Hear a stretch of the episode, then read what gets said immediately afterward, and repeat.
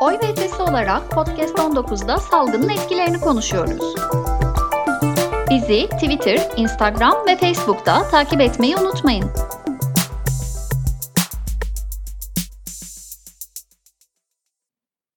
E, merhabalar, ben Banu Binbaş Yıldırım. Oy ve ötesi olarak salgın gündemiyle ilgili gönüllerimizi merak ettiği konularda gündemimiz için bir dizi podcast e, serisi hazırladık. E, bu programdaki konuğumuz e, Profesör Doktor Selim Badur. E, Covid-19 pandemisi penceresinden küreselleşme bağlamında enfeksiyon hastalıklarında gelinen noktayla ilgili bir söyleşi yapmayı planlıyoruz. E, Profesör Doktor Selim Badur, İstanbul Üniversitesi Fakültesi ve Avrupa'daki çeşitli enstitülerde biyoloji dalında çeşitli bilimsel araştırmalar ve çalışmalarda bulunmuş ve bilim dünyasına fazlasıyla katkıda bulmuş bir bilim insanımız. Şu anda da özel bir şirkette yakın Orta Doğu ve Afrika coğrafyalarındaki çeşitli ülkelerde kamu sağlığı direktörlüğü yapmakta ve bilimsel çalışmalarına devam etmektedir. Salgın döneminde toplum olarak çok fazla bilgiye maruz kaldık hocam. Bazıları doğru, bazıları ise bilimsellikten oldukça uzaktı. Doğru bilgiyi ayıklamak ve bu dönem e, ayıklamak bu dönemde çok fazla önem kazandı. E, biz de sizin gibi rasyonel aklına ve bilimsel altyapısına güvendiğimiz, e, kamu yararına da birçok proje el vermiş e, ve bunu geniş bir sosyal perspektifle ele alabilen bir bilim insanıyla söyleşi yapmayı yapmak benim açıma çok sevindirici. E, ayrıca bu salgın döneminde de e, yoğun bakım yönetmiş bir anestezi uzmanı olarak e, çok heyecanlıyım. E, hoş geldiniz. Teşekkür ederiz bizimle bu söyleşi yapmayı kabul ettiğiniz için. Ben davetiniz için çok teşekkür ederim. Ayrıca tanıtımınız için de çok teşekkür ederim. Aslında benim söyleyeceklerim çok teorik. Siz e, bu yoğun bakım ünitelerinde bu süreçte e, aktif olarak ve yoğun biçimde çalışmış figür olarak e, e, sizlere teşekkür etmemiz lazım ve sizin anlatacaklarınız belki çok daha önemli ama e, dilim döndüğünce sizlerle tartışıp sorularınızı yanıtlamaya çalışacağım. Çok teşekkürler hocam. Ben de çok mutlu oldum övdüğünüz için. Ama sizin gibi bilim insanlarının açtığı ışıkta açıkçası bizler de bir şeyler yaptık. O yüzden birbirimize tamamladık. İşte kolektif herhalde bilincin getirdiği güzellikler bir taraftan bunlar. Çok teşekkürler. Ee, şimdi e, aslında öncelikle şöyle bir soruyla başlamak istiyorum. Teknik bir soruyla başlamak istiyorum. Ee, bu e, son 20 yılda bir sürü endemi e, gördük dünya üstünde. Yani lokal kalmış salgınlar, işte influenza virüsü gibi, diğer koronavirüsleri gibi. Ancak hiçbirisi bir pandemiye yani dünyadaki bu salgına neden olmadı. Sizce COVID-19'un e, farkı neydi? Neden bir pandemiyle karşı karşıya kaldık? E, teşekkür ederim bu giriş için, bu ilk sorunuz için.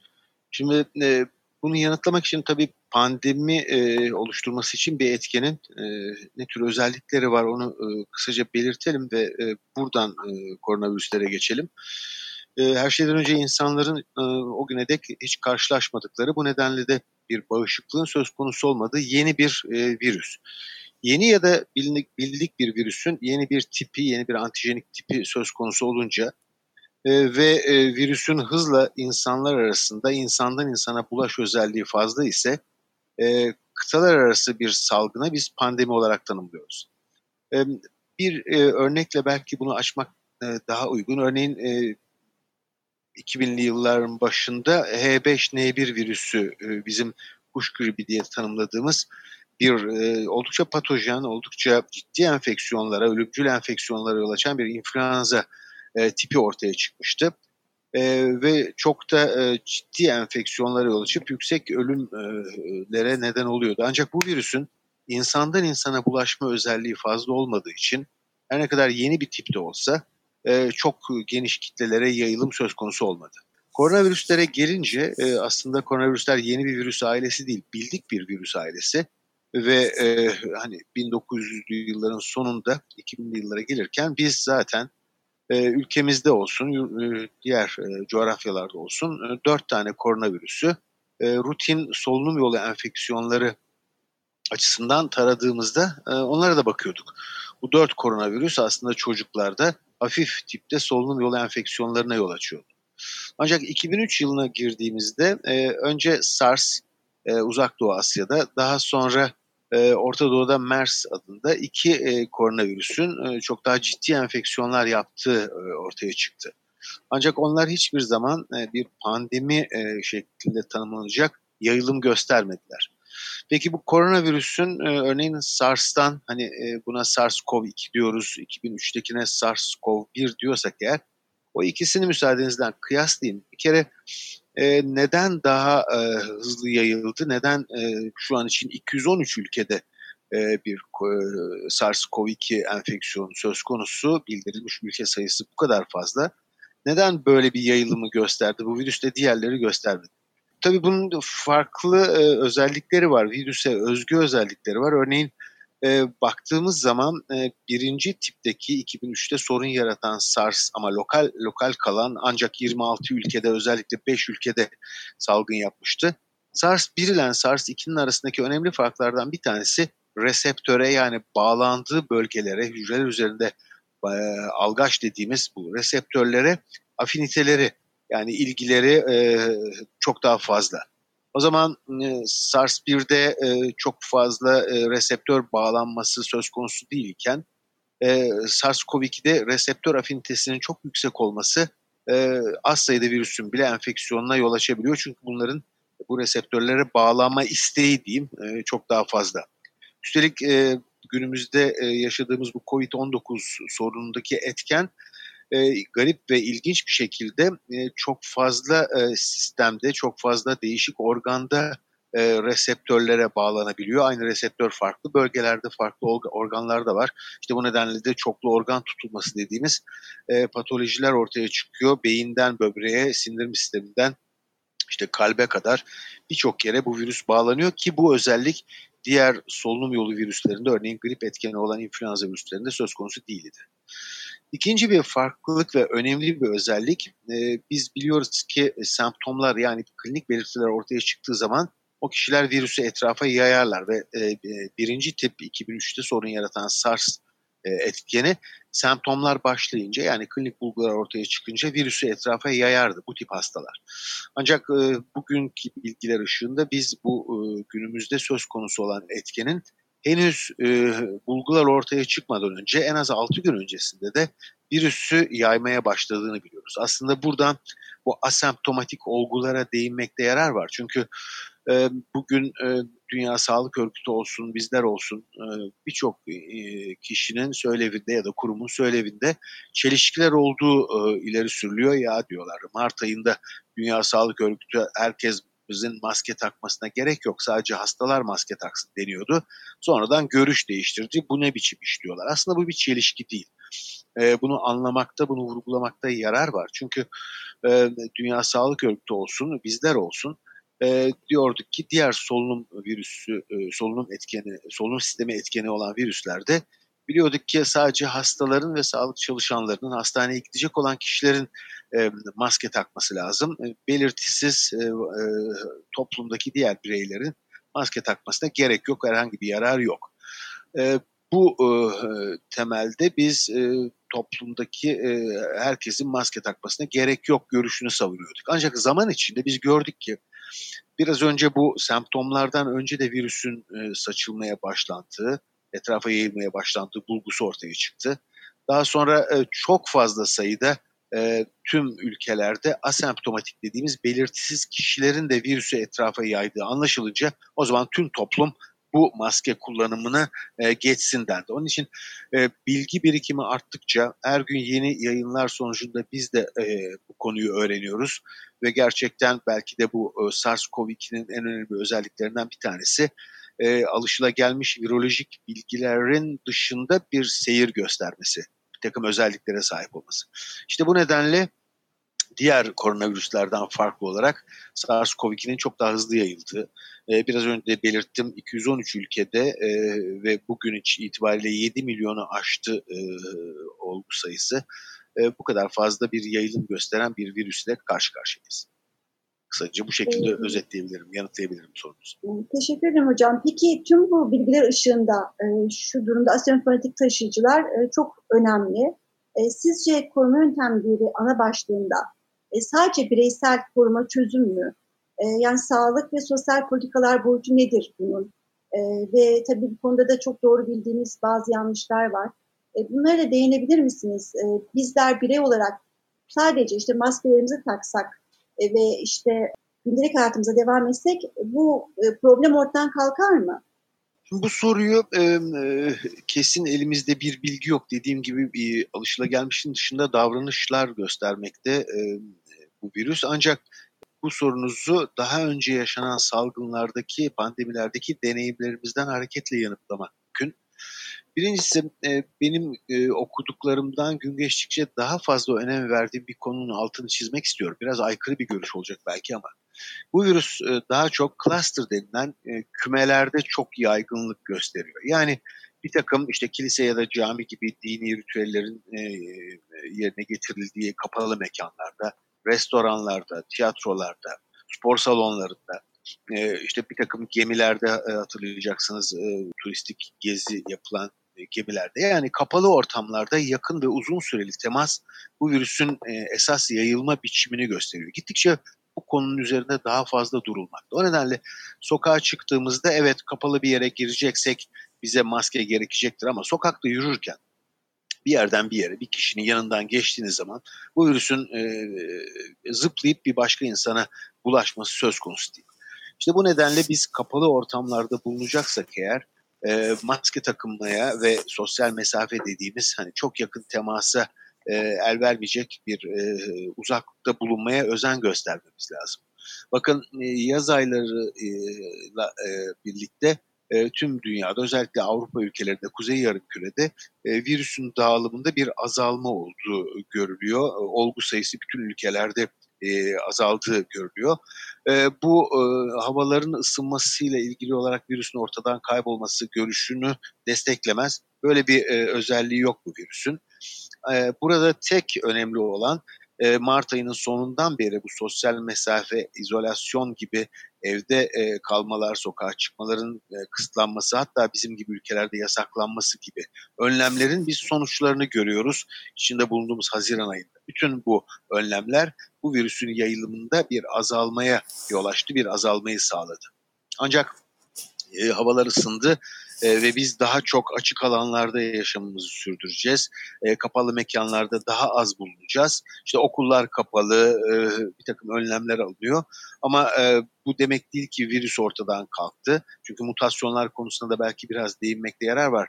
E, acaba bu virüs zayıfladı mı, özelliğini yitirdi mi diye çok soru geliyor ve bu olguların e, azalması virüsün davranışındaki değişikliklere bağlanıyor. Bu doğru değil çünkü ben elimden geldiğince e, koronavirüsün e, mutasyonlarını izlemeye çalışıyorum bu çalışmaları. E, virüsün davranışında önemli değişiklikler yapacak herhangi bir mutasyon şimdiye kadar bildirilmedi, saptanmadı. E, bu dediklerimin sonucunda biz e, sonbahar aylarında ne yaşayacağız sorusunu sorabilirsiniz. Sonbahar aylarında eğer e, bütün bu önlemler sonucunda virüs tamamen ortadan kalkmazsa, yani olgular tamamen sıfırlanmazsa biz sonbaharda yine yine Kuzey Yarımküre'deki ülkelerde kapalı mekanlara döndüğümüzde, okullar açıldığında, e, hani açık havadaki e, bir takım toplantılar, etkinlikler yine kapalı mekanlara döndüğü anda biz bu virüsün tekrar sorun yaratmaya başlayacağını öngörebiliriz. E, bu nedenle e, aldığımız sosyal e, yaşantımızdaki önlemler yani sık el yıkama, maske takılmasına özen gösterme, sosyal mesafeye dikkat etme bunlar etkili önlemler ve bu etken e, önlemler sayesinde biz e, yaz aylarında ya da içinde bulunduğumuz şu dönemde bu virüsün dağılımında bir azalma gözledik. Ama bu çok göreceli bir durum. E, bu önlemlere ve kurallara, bir takım kısıtlamalara, yeni davranış biçimlerine uymamızın devam etmesi, sürmesi lazım. Aksi takdirde demin de belirttiğim gibi sonbaharda biz tekrar e, bir alevlenme görebiliriz. O zaman aklıma şöyle bir soru geliyor hocam. E, şu anda e, yaz aylarında mevsimin getirdiği bir takım işte tüm damlacık enfeksiyonların azalması gibi havada damlacıkların çok fazla kalmaması ile ilgili belki de e, virüsün e, bulaştırıcılığı belki biraz daha azaldı ama sonbahar döneminde daha farklı olacak diye öngörebiliyoruz galiba değil mi? Ben böyle bir şey anladım sizin söylediğiniz. En azından kuramsal olarak e, böyle bir riskin, böyle bir tehlikenin olduğunu unutmamak lazım. Ama dediğim gibi e, yaz aylarındaki bu azalmayla birlikte virüsün tamamen ortadan kalkması sonbaharda beklenen ya da korkulan tablonun yaşanmamasını sağlayabilir ama e, böyle bir riskin olduğunu unutmamak lazım. O zaman da e, şu soru yine aklıma geliyor. Bu normalleşme politikaları ki e, oldukça global sadece ülkemizde de değil bu normalleşme evet. politikalarının e, gidişatına şöyle bir baktığımızda sizce ne kadar normal yani nasıl olmalı ya da sizin bu normalleşme politikaları sonrasında pandeminin seyri hakkındaki öngörüleriniz neler? Normalleşme dediğiniz e, çeşitli e, e, alışveriş merkezlerinin açılması, işte restoranların, kafelerin açılması, yani pandemi dönemi öncesi, pandemi ilandan önceki yaşam tarzına dönülmesi için bilimsel ya da virolojik bir açıklama söylemek buraya dayandırmak pek e, kolay değil. Büyük olasılıkla, büyük olasılıkla değil herhalde. Ben öyle düşünüyorum. E, bu bir takım ekonomik nedenlerle, ekonomik kaygılarla alınmış e, ve birçok ülkenin aldığı uluslararası bir takım kurallar. E, bir takım e, önlemler ya da önlemlerin gevşetilmesi, yaklaşımlar. E, bu nedenle elbette ekonomik nedenlerin ve bu pandeminin yarattığı ekonomik çöküntünün önemi hiçbir şekilde yatsınamaz.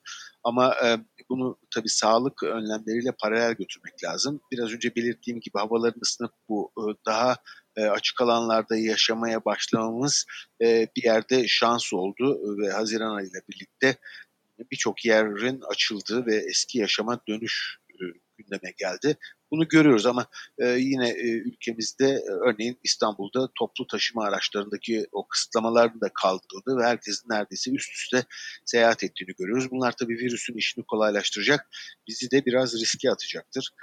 Bu normalleşme süreci ne getirip ne götürüyor bunu doğrusunu isterseniz bir süre sonra göreceğiz. Şu anda bir şey söylemek şunu hatırlatmak isterim.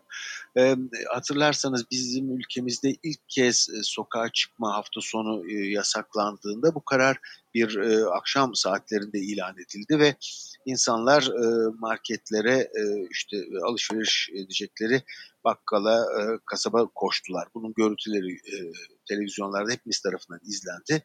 E, insanların çoğunda maske yoktu. Herkes üst üsteydi ve aceleyle biraz da panikle e, e işte hafta sonu e, madem sokağa çıkma yasağı var aman e, aç kalmayalım. E, besin e, gıda maddeleri temin edelim.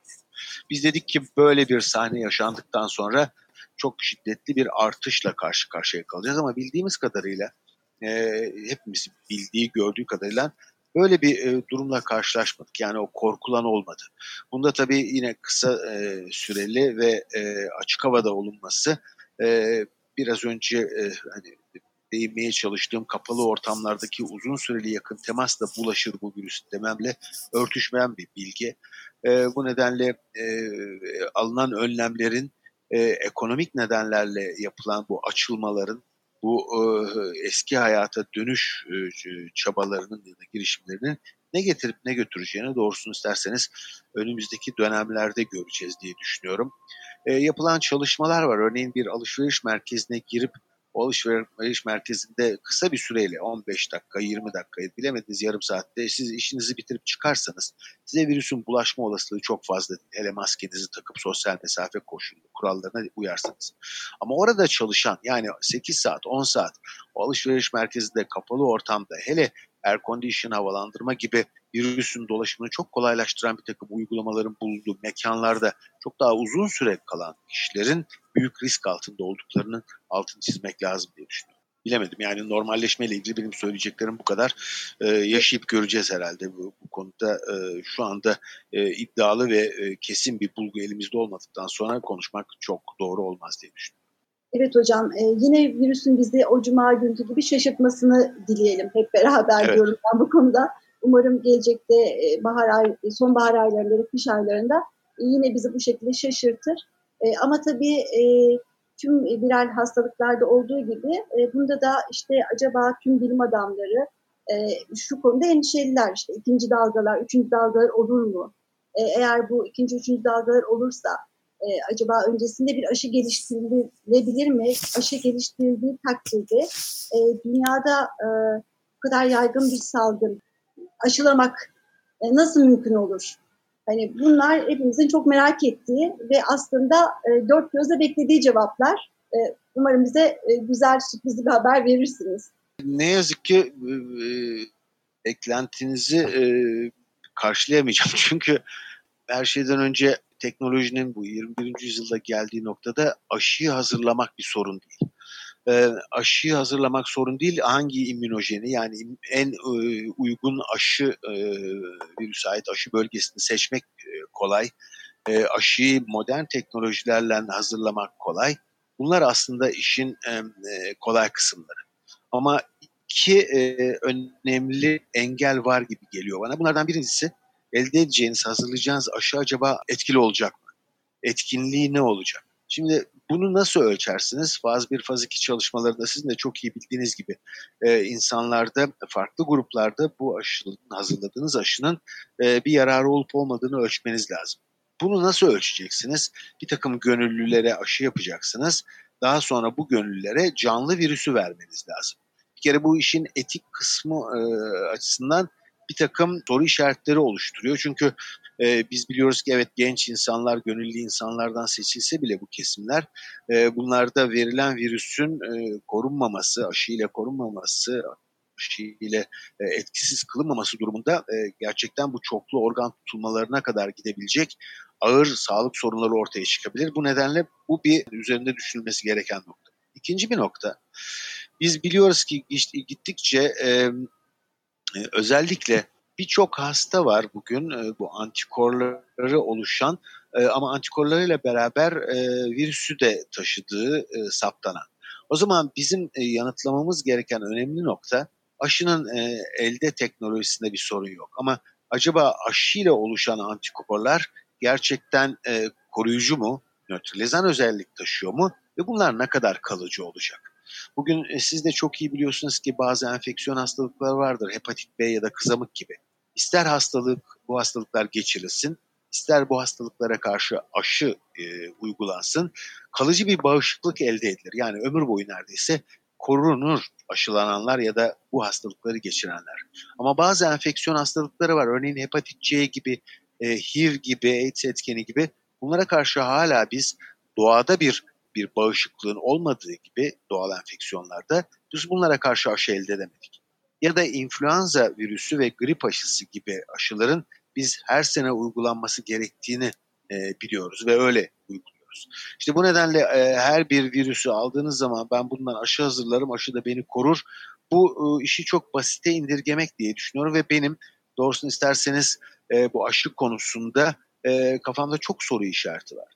Önemli bir özellik bize e, bu SARS-CoV-2 şu anda e, yaygın olan COVID e, hastalığıyla ilgili olarak bizim deneyimlerimiz ve bizim e, bilgilerimiz bundan önceki e, koronavirüs enfeksiyonlarında yani e, SARS-1 ve MERS enfeksiyonlarında e, yapılan aşı çalışmaları ışık tutmakta.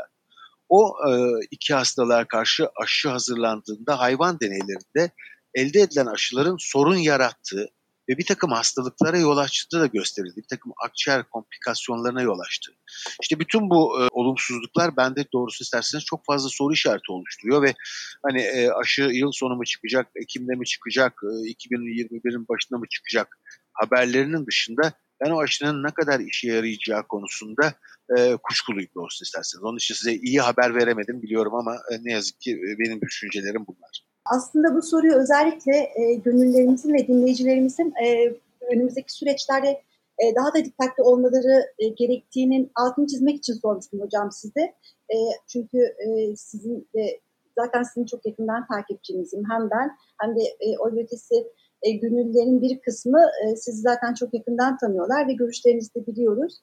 E, ben de bir hekim olarak diğer koronavirüslerle ilgili e, aşı çalışmalarını da e, yakından e, okumuş, takip etmiştim.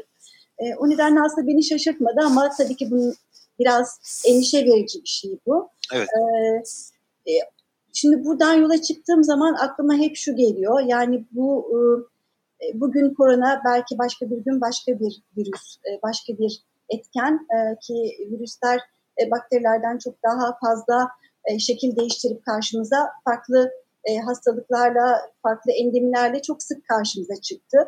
E, bununla ilgili ben e, sizin e, görüşünüzü almak istiyorum. İşte bir küreselleşme sorunu olarak e, son yüzyılda ki bu üretim tüketim modelleri e, acaba yakın ve uzak gelecekte e, benzer pandemiler ve endemiler e, bizi karşılaştıracak mı? Bu konuda e, yapabileceğimiz bir şey var mı? E, nasıl bir e, davranış modeli e, acaba e, bizi bundan e, korur ya da e, nasıl bir e, değişim öngörüyorsunuz gelecekte bizim için? E, bakın bu küreselleşme konusu aslında enfeksiyon hastalıkları ve salgınlarla çok e, ilintili e, bir konu. E, teşekkür ederim bu sorunuz için. E, bir kere küreselleşme dediğimiz zaman e, neleri dikkate almamız lazım e, salgınlar açısından? Birincisi tabii e, dünya nüfusu çok arttı, artık kalabalık ve daha yakın temasla e, kısıtlı bölgelerde çok daha kalabalık insanlar yaşıyor. İkincisi seyahat olanakları çok arttı. Bu herhangi bir yerde çıkan salgının etrafa yayılmasında çok kolaylaştırıcı bir faktör. Hayvanlarla temaslar çok arttı. Bu hem e, evcil hem de yabani hayvanlar ve bunların sonucunda e, bu durumun sonucunda e, hayvanlardaki bir takım mikroorganizmaların insanlara geçişi daha kolaylaştı. Ama özellikle bu ekolojiye ve doğaya fütursuzca saldırılar, işte ormanların kesilmesi, suyun ve havanın kötü kullanılması bütün bunlar beraberinde enfeksiyon hastalıklarının yayılımını kolaylaştıran faktörler olarak karşımıza çıkıyor. Siz ormanları kestiğiniz zaman orada bulunan bir dizi vektörün yani virüsü taşıyan bir takım artropotların, sineklerin, sivrisineklerin, tatarcıkların, kenelerin insanla temas olasılığı çok daha fazla artıyor. Bu elbette beraberinde bir takım enfeksiyon riskinin bütün gelişmiş teknolojiye rağmen çok daha hızlı yayılacağını ve bir tehdit oluşturacağının e, temel nedenini oluşturmakta. Bugün e, yapılan bir hesaplamada e, yaklaşık 400 kadar virüsün çeşitli e, canlılarda, çeşitli hayvanlarda, yarasalar başta olmak üzere bir dizi hayvanda insanlara atlayıp tür değişip insanları enfekte etmek için beklediğini biliyoruz. Ee, özellikle e, buna ait bir sürü örnek var. Örneğin asma ya da diğer bazı e, enfeksiyon hastalıkları etkenlerinin taşıyıcısı olan sivrisinek türleri. Onlar bu, e, örneğin e, Avrupa'da görülmezken artık Afrika'ya özgü dediğimiz sorunları biz Avrupa'da görmeye başladık. Çünkü sivrisinekler gittikçe daha fazla yayıldı. Keza keneler ya da tatarcıklar e, gibi bir takım e, virüs taşıyan e, canlıların e, rezervuar dediğimiz ya da ara konak dediğimiz bu e, aracıların insanlarla teması arttı. Bunların yayılımı değişti. Küresel iklim krizi, küresel ısınmayla birlikte e, bunlar çok daha farklı coğrafyalarda, eskiden bulunmadıkları coğrafyalarda görünür oldular ve bunlar elbette enfeksiyon açısından da riski çok arttıran faktörler. E, peki ne yapmalıyız? E, dünyada bu tarz doğaya karşı bu fütursuz, bu hoyratça ve sadece kazanç amacıyla yapılmış bu e, saldırılar e, durdurulabilir mi? Dostum isterseniz bu konuda da ben çok iyimser değilim. İnsanların tüketim alışkanlıklarının pek kolay değişeceğini düşünmüyorum. Bütün bu yaşananlar bakın e, çok gelişmiş ülkelerdeki sağlık sistemlerinin takım kurumların nasıl kısa sürede çöktüğünü, yetersiz kaldığını gördük. Ama buna rağmen e, insanların doğrusunu isterseniz e, evet böyle bir risk var e, artık yaşam içimizi değiştirelim, daha az tüketelim, e, daha e, doğaya karşı daha e, e, bu kadar hoyratçı davranmayalım ve daha e, saygılı davranalım konusunun bir takım genç e, gruplar arasında itibar gördüğünü biliyorum ama e, dünyadaki politikaları değiştirecek kadar radikal bir takım e, kararların alacağın, alınacağından e, benim kuşkum var. E, bir yerde bu, bu küreselleşme ve bu neoliberal politikalar e, yönetimlerin hemen hemen tüm ülkelerde yönetimlerin varlık nedeni olmuş halde. E, bu durumda geri adım atmaları pek öyle kolay değil. Bize daha sert ve daha acımasız bir takım felaketler belki e, öğretici olacaktır ama bu tarz pandemilerle ülkelerin yöneticilerinin radikal kararlarla e, yaklaşımlarını değiştireceklerini ne yazık ki e, düşünmüyorum. O nedenle bu açıdan da biraz karamsar. Çok mu karamsar konuştum? Şimdi hocam e, ben hep yani sadece bu benim sözüm değil tabii ki ama e, mücadele varsa umut vardır. E, düsturundan yola çıkmak istiyorum. Hani genç oldukça genç de bir gönüllü kitlemiz var. Onları bunca umutsuzluğun içerisine çok açıkçası şey atmak istemem. Bu belki de onların mücadeleyi yükseltmesi için bir neden olsun diliyorum. Kendi dileğim bu. E, ama Elbette. E, ama Elbette buna çok katılıyorum ben de tabii yani onun için gibi duyarlı olan ve bu konuların bilincinde olan ne olup bittiğini gittikçe daha iyi algılayan bir genç e, nüfusun olduğunu ülkemizde ve diğer ülkelerde bu yatsımaz bir gerçek. Bu tek sevindirici taraf bu herhalde ama e, bunların e, zorlayıcı baskı unsuru olma açısından ağırlıklarının e, ne olacağını bize zaman gösterecek. E, ama bu şekilde devam etmesi dünyanın herhalde pek mümkün değil. Yani çok daha başka hiç öngörmediğimiz bir takım olumsuzlukları yaşayabiliriz. Umarım e, bazı şeyler çok daha e, güzel olur e, ve hani umut ettiğimiz gelecekte için gelecek için mücadele etmenin verdiği en azından o duyguyu yaşamayı gençlerimize Söyleyelim. Için, evet evet öyle söyleyelim çünkü hakikaten ben biliyorum ki siz gerçekten her zaman için çok rasyonel bakıyorsunuz olaylara ve her zaman için son derece tarafsızsınız. E, bu görüşlerinizden dolayı da zaten e, biz e, her zaman size kulak veriyoruz. E, evet e, söyledikleriniz kesinlikle doğru ama umutsuz da yaşanmıyor. O yüzden ben biraz daha umutlu olmayı tercih edeceğim evet. sanırım. Kendi içimde bir anestezi doktoru olarak bunu yapmak da zorundayım yok, yoğun bakımlarda. E, ne yazık ki. Ne yapardım diyorsun yoğun evet, evet. bana. Yani çok, çok haklısın. Ben bu kadar çok karamsar bir tablo çizmiş olmaktan üzülüyorum ama kaygılarım olduğunu en azından söylememe izin ver ne olur. Çünkü bakıyorum e, örneğin bu dönemde Nisan ayının sonlarına doğru doğa kendini toparladı ya. Etrafta yunuslar göründü, kuşların sesleri şu bu bütün ülkelerde sadece ülkemizde değil. Doğa bile kendini toparladı, hava temizlendi, işte ozon miktarı ya da e, karbondioksit e, salınımı bütün bunlarda bir düzelme görüldü. 1 Haziran itibaren geriye dönüş oldu ve 3 gün içinde eski olumsuzluklar tekrar yaşanmaya başlandı. Yani e, bu veriler de bir gerçek veriler bana yani şey değil. E, evet yok, kesinlikle haklısınız hocam. Yani bunlara zaten itiraz etmek mümkün değil. E, ama işte e, tüm bu e, karamsarlık da e, bizler için gerçekten daha zorlayıcı oluyor. Haklısın. Ama doğru. gerçeklerde bunlar haklısınız. e, siz de zaten gerçekleri e, bizi hatırlatmanız için davet ettik. Çok teşekkür ederiz davetinize.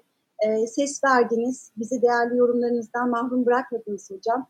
Ben hakikaten ilk başta söylediğim gibi e, çok çok teşekkür ederim. E, hem oy ve ötesi gönülleri adına size çok teşekkür ederim.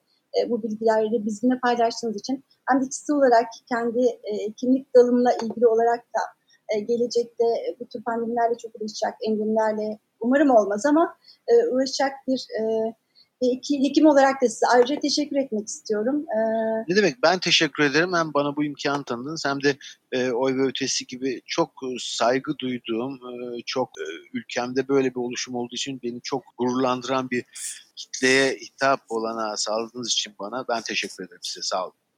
Çok teşekkürler hocam. Bize oy ve ötesi gönüllerine, bize ve sizi dinleyenlere eve götüreceğimiz son bir e, cümleyle neler söylemek istersiniz? Biz nasıl davranalım, neler yapalım?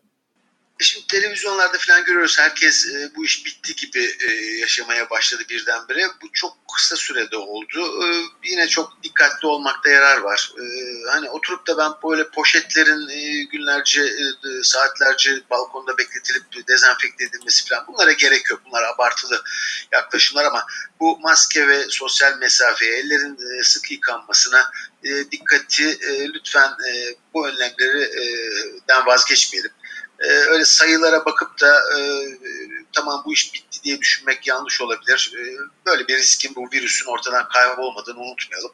E, ve biraz da e, daha geniş düşünürsek eğer bu çevreye olan duyarlılığı e, ya da bu e, neoliberal politikaların getirdiği olumsuzlukları da unutmayalım ve üzerinde düşünelim diyerek e, veda edeyim. Çok teşekkür ederiz. Ağzınıza sağlık. Ben teşekkür Görüşmek. ederim ilginize efendim. Umarım başka bir çok. E, programımızda davet ettiğinizde Umarım davetinizi... seve seve ne zaman isterseniz. Çok teşekkürler evet, hocam. Görüşmek üzere. Sağ olun. Ben teşekkür ederim.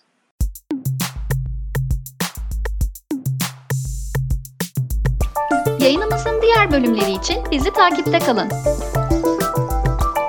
Çalışmalarımız hakkında bilgi almak için oyvötesi.org'u ziyaret edebilirsiniz.